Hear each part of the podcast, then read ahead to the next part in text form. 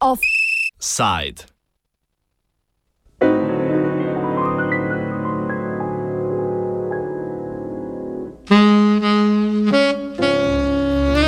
V kritju tehnokracije.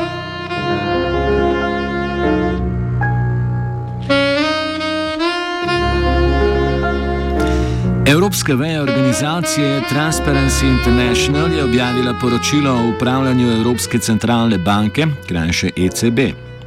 Poročilo, naslovljeno dve strani istega kovanca, se ukvarja na eni strani z neodvisnostjo Evropske centralne banke, na drugi pa z odgovornostjo te institucije. Rdeča nit, ki spleta poročilo, je povezava med pristojnostmi banke, ki ob zaslonu tehnokracije ne malokrat poseže na politično področje, in manjkom mehanizmov demokratičnega nadzora. Kje so raziskovalci črpali navdih za naslov poročila, nam pojasni njegov urednik Leo Hoffman z Transparency International Europe. So, uh, the title alludes to um, a specialty of of, uh, of the central banks vis-à-vis other institutions, which is that central bank central banks are supposed to be independent. So uh, they are actually exempted from the democratic process. Uh, there is no democratic control, and that's the way it is intended to be. Um, and of course, the, the other side of the coin, if you give the ECB such such special independence, the other side of the coin uh, is a narrow mandate, so a mandate that says very specifically what the ECB is supposed to do, and then very specific accountability arrangements. So the fact that Mario Draghi has to go to Parliament and explain his policies and so on. So um, basically, we're taking the independence of the ECB and we're asking if, uh, in spite of this independence, there can be a sufficient level of accountability uh, for the European Central Bank. And uh, the result, broadly speaking, of, of our research is that uh, while central bank independence uh, was um, was exactly the right thing to do for the narrow mandate of the ECB, times have changed. So today, the ECB has taken on a lot of additional jobs. Kot pojasni Hoffman, so se časi, v katerih je bila avtonomija ECB upravičena, spremenili. Banka je razširila svoje pristojnosti, ki vključujejo nadzorovanje bank, pogajanja z državami za izdajo posojil in reševanje evra, nadaljuje Hoffman. So uh, the ECB is now also in charge of uh, banking supervision of the largest uh, banks in the eurozone, and additionally, the ECB is part of the troika, so it negotiates with the bailout countries, with Greece, uh, Ireland, Portugal, and so on. So it is. Uh, it has a bit of a conflict of interest in the troika because the ECB is in charge of the monetary policy of those countries and at the same time is uh, negotiating with those countries about their reforms, right? And then thirdly, and this is the most interesting point, the ECB is not only in charge of price stability as it says in the mandate, of banking supervision and of the negotiations in the troika. Now thirdly, the ECB is also in charge implicitly of saving the euro, right? So the euro was close to collapse a few times during the crisis. And the member states, the politicians, the governments, those people that are actually in charge of, of Europe and of the euro, those people that should have made the reforms to make sure that the euro becomes more sustainable, that the institutional architecture of the euro becomes more resilient, they just didn't do the reforms, right? Because of uh, political inertia, because of uh, the Germans, the Dutch, the Finns, uh, or other people that didn't want to participate in specific reforms. And, and basically, the, the politicians ended up blocking each other. And then the European Central Bank was left with no choice but to jump in and to fill that vacuum that was left by the politicians. So, um, so what we say is that the ECB overstepped its mandate; it went too far. But we have to acknowledge that the ECB did this with the implicit backing of the politicians, and that the ECB was basically the only institution that was willing and able to, to go in and to fill the vacuum uh, that was left by, by the political inertia. Da je avtonomija Evropske centralne banke predvsem v interesu kapitala, meni sociolog in član inicijative za demokratični socializem Marko Kržan. Kar pa se tiče statusa in privilegija Evropske centralne banke, je problem v bistvu trojen. Ne? Po eni strani ne bi bila Evropska centralna banka neodvisna ustanova, ampak ko govorijo o neodvisnih ustanovah, to samo pomeni, da je neodvisna od demokratičnih organov ne? Eh, in držav eh, in prebivalcev, ne? za katere ne bi upravljala to pomembno funkcijo. Po drugi strani pa vemo, ne, da, da je personalno, čisto po svojih kadrih, mentaliteti, zelo, zelo, zelo povezana z velikim kapitalom in njegovimi interesi. In um, ideja tistih, ki, ki so ustanovili Evropsko centralno banko in ki ustanavljajo take podobne organe na evropski ravni, da ravno ta, da se ustanovi nek organ, ki ni um, pod vplivom pritiska javnosti, delovskega razreda, sindikalnih organizacij in drugih, ampak bo tehnokratsko pač um, vodil neko politiko v, v interesu um, kapitala ali pa vsaj te velikih držav Evropske unije. To je en problem. Drugi problem je ta, ne, da, uh, kot rečeno, ravno zaradi te neodvisnosti je seveda zelo težek kakršen koli parlamentarni ali pa drug nadzor. Ne. Mi sicer imamo Evropski parlament z nekimi omenjenimi pristojnostmi do, do Evropske centralne banke, ne, ampak to se ne more primerjati naprimer, z, z nadzorom, ki ga lahko državni zbor vrši, recimo, da našo centralno banko pa že pri nas ne, vemo, da v resnici državni zbor pri velikih problemih, kot je bila sanacija slovenskih bank, ni mogel nikoli priti do, do, do, do tistih glavnih podatkov, da bi si lahko ustvaril sliko, je bila ta dokapitalizacija uh, recimo upravičena ali pa ne. Preden se spustimo v primera, ki sta ključna za analizo v poročilu dve strani istega kovanca, se pomudimo še v za Slovenijo aktualnem primeru reševanja slovenskih bank. Policijska preiskava v zvezi z izbrisom podrejenih obveznic je naletela na izpodbijanje sodnih nalogov za preiskavo prostorov Banke Slovenije prav strani Evropske centralne banke, komentira Kržan. V tej naši kriminalistični preiskavi je pa ta, da je ECB dejansko država v državi. ECB je država v državi, ona je eksteritorijalna, tako, tako kot Vatikan, ima ta privilegij, ne, da, ni, uh, da je ne more preiskovati. Uh, pred organi pregona v nobeni od posameznih držav članic.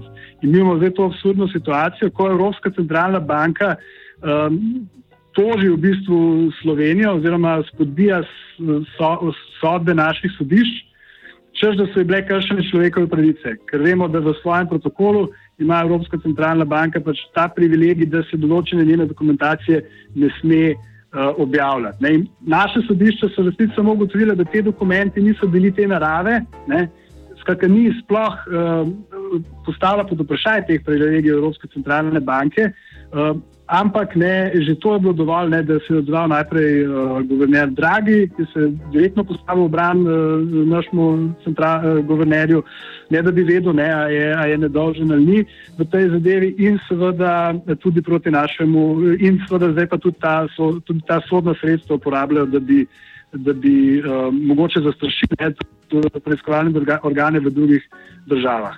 Skratka, tudi ta status in privilegij Evropske centralne banke so zelo uh, problematični, omogočajo resen demokratični nadzor, ne samo javnosti, ta itak ne more nič uh, tukaj narediti, ampak niti tistim specializiranim organom, ki jih imajo države na razpolago za to, da um, preganjajo kriminal ne, in seveda ali pa, ali pa bom rekel zlorabe takega velikega obsega, kot se je po vsej verjetnosti zgodila pri sanaciji naših bank ko nas je Evropska centralna banka, Evropska komisija, skratka tudi centri moči prisilili, da se za oceno tega, koliko dokapitalizacije bo potrebno, vzame zelo negativne um, ocene um, gospodarskih gibanj, kar pomeni, da seveda je naš javni dolg uh, bistveno višji, kot bi bilo nujno za to, da se ohrani stabilnost uh, bančnega in uh, finančnega sistema.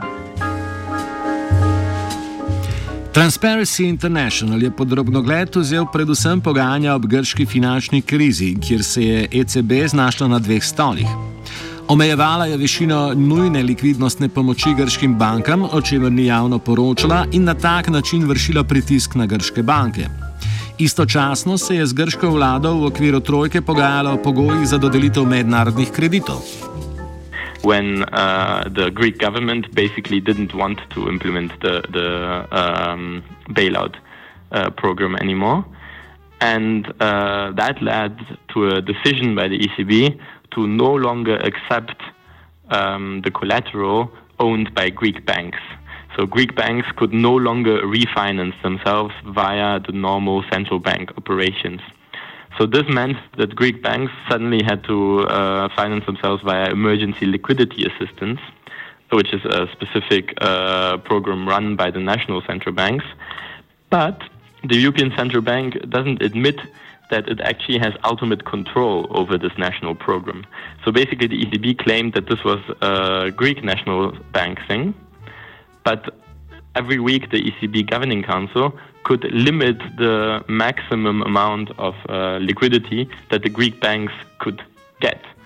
And this gave the ECB a new lever, a new pressure on the on the Greek government, and the European Central Bank was able to uh, squeeze the Greek government by draining liquidity from the Greek banking system uh, and thereby increased the pressure quite a lot on the Greek government in a moment when the ECB was negotiating with the Greek government over the implementation of, of this reform program.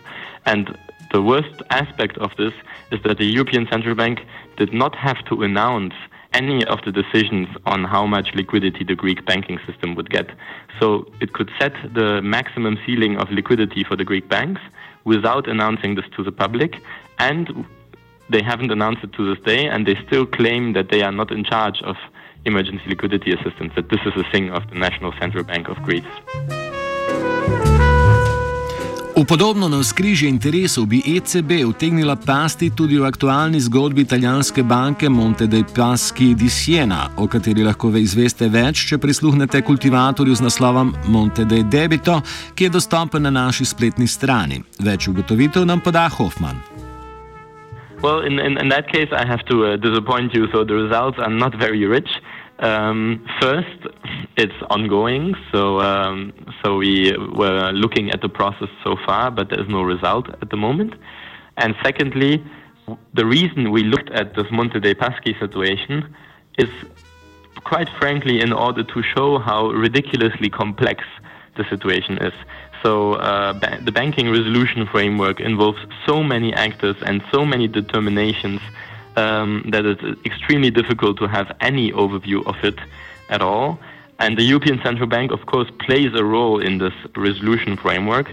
Um, they also determine how much time uh, a bank will have to to find the recapitalization, and so basically they triggered the recapitalization by by not giving more time to the bank. And uh, the way it looks is also that they were quite political in choosing different moments to make their announcements.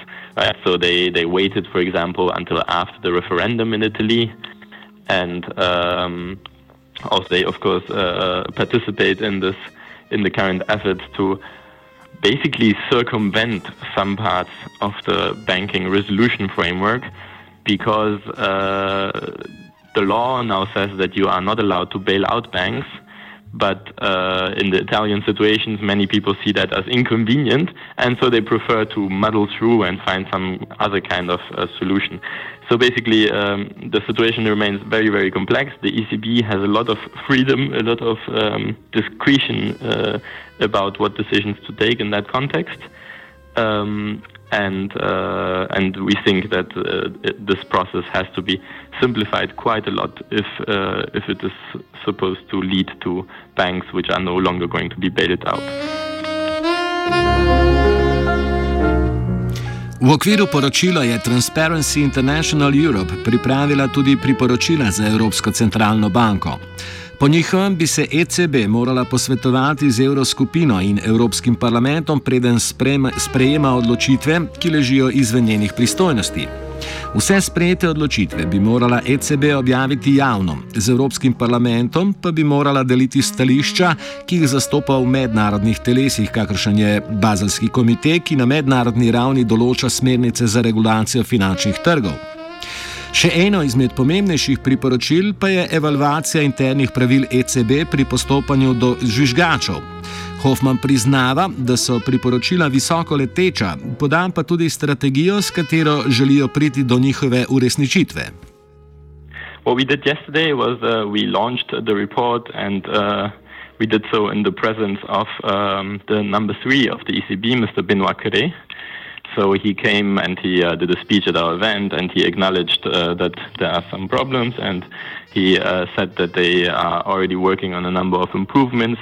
And for example, uh, Mr. Correa yesterday also confirmed that the ECB will now introduce a new whistleblowing framework, which was one of the most important recommendations that we made in the integrity section of the report. Because, of course, if the ECB is very independent and very powerful, then we have to be extra careful that there's no conflict of interest.